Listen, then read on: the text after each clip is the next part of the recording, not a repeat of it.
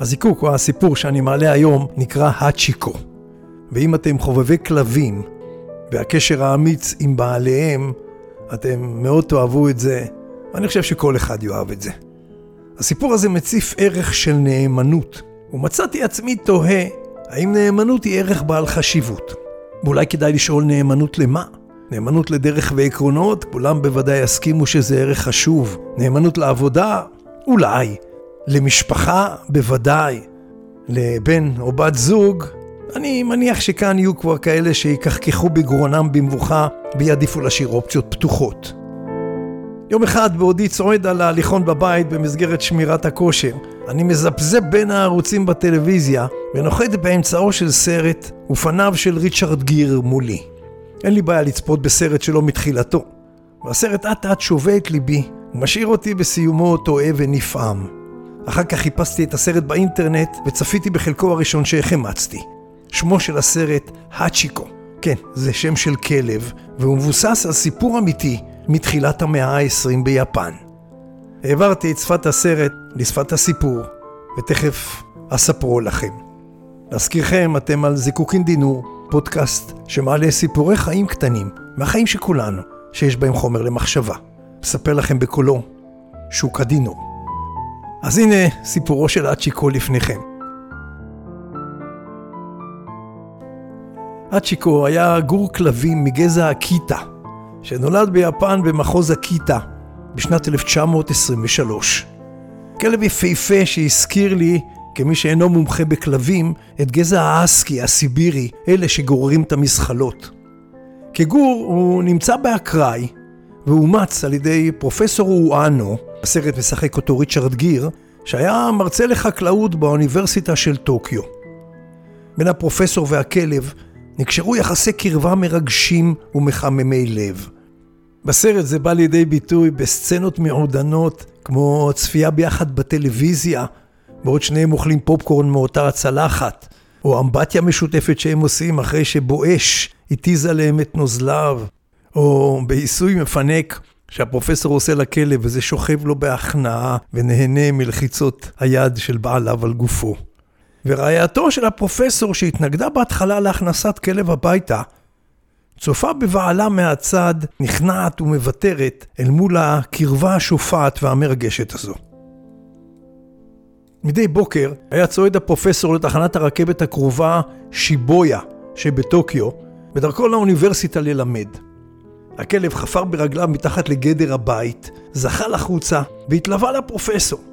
וכך מאז היה הכלב רץ לצידו לתחנה, וכשהפרופסור היה נכנס לתחנה, הוא היה שב על עקבותיו הביתה. שעה חמש בדיוק, או אז הגיעה הרכבת חזרה לאחר שעות העבודה, הכלב היה שב ומתייצב על כיכר מוגבהת שלפני התחנה תחת עץ שנשתל שם. הוא היה מביט אל הדלתות הנפתחות ונסגרות על ידי העוברים ושבים עד שהגיע אדונו. הפרופסור היה מחבק אותו, מנער בחיבה את פרוותו, והם היו פוסעים חזרה הביתה. כך מדי יום ביומו. חלפה לה שנה, ויום אחד הפרופסור חש ברע באמצע הרצאתו באוניברסיטה, התמוטט ומת. כך בנוכחות תלמידיו. הכלב הגיע בשעה היהודה והתיישב במקומו הקבוע בתחנת הרכבת, ממתין לבעליו שבושש לבוא. מאוחר בערב הכלב שב לביתו ריקם. וכך הכלב המשיך להגיע יום-יום לתחנת הרכבת, עדיין ממתין לבעליו שיחזור. לימים, האלמנה עזבה את טוקיו, מכרה את הבית ומסרה את אצ'יקו הכלב למשפחה אחרת. בסרט הבת לוקחת את הכלב. ואצ'יקו נמלט מביתו החדש, מצא את דרכו חזרה לבית אואנו, ביתו של הפרופסור, עד שהבין שהוא לא גר שם יותר. הוא מצא אז את דרכו לתחנת הרכבת והחל להתייצב שם בכל יום בשעה בה נהג אואנו לשוב מעבודתו כדי לקבל את פניו. בהדרגה, ממקומו הקבוע בשעה הקבועה, הוא משך את תשומת ליבם של הנוסעים ועובדי התחנה, אשר החלו להכיל אותו. התמונות בסרט בהן הכלב יושב זקוף במקומו הקבוע, מבטו היה עצוב מופנה לדלתות הכניסה של תחנת הרכבת, וראשו מוטה הצידה לכל רחש, שאולי מסמן את שובו של בעליו, נוגע ללב. וכך אצ'יקו המשיך לפקוד את התחנה במשך עשר שנים תמימות, מדי יום ביומו. ועונות השנה מתחלפות, והוא בעקשנות ובנאמנות ממשיך ואוחז בתקווה לשובו של וואנו. במרץ 1935 הוא נמצא מת ברחוב ליד התחנה. אחד מתלמידיו של פרופסור וואנו, אשר עסק בחקר כלבי האקיטה, וגם הבחין באצ'יקו כשהוא ממתין ברכבת, פרסם מאמרים אודותיו שזכו לפרסום רחב, ואצ'יקו הפך בהדרגה לסמל לנאמנות ביפן. גזע כלבי האקיטה ממנו נותרו רק 30 פרטים לפי מחקרו של התלמיד, זכה גם הוא לפרסום ולעדנה מחודשת.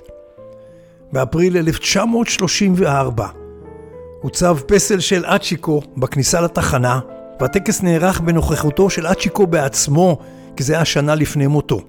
גופתו לאחר מותו הוחלצה, והיא מוצגת במוזיאון הלאומי למדע בטוקיו, מעין מורשת לנאמנות.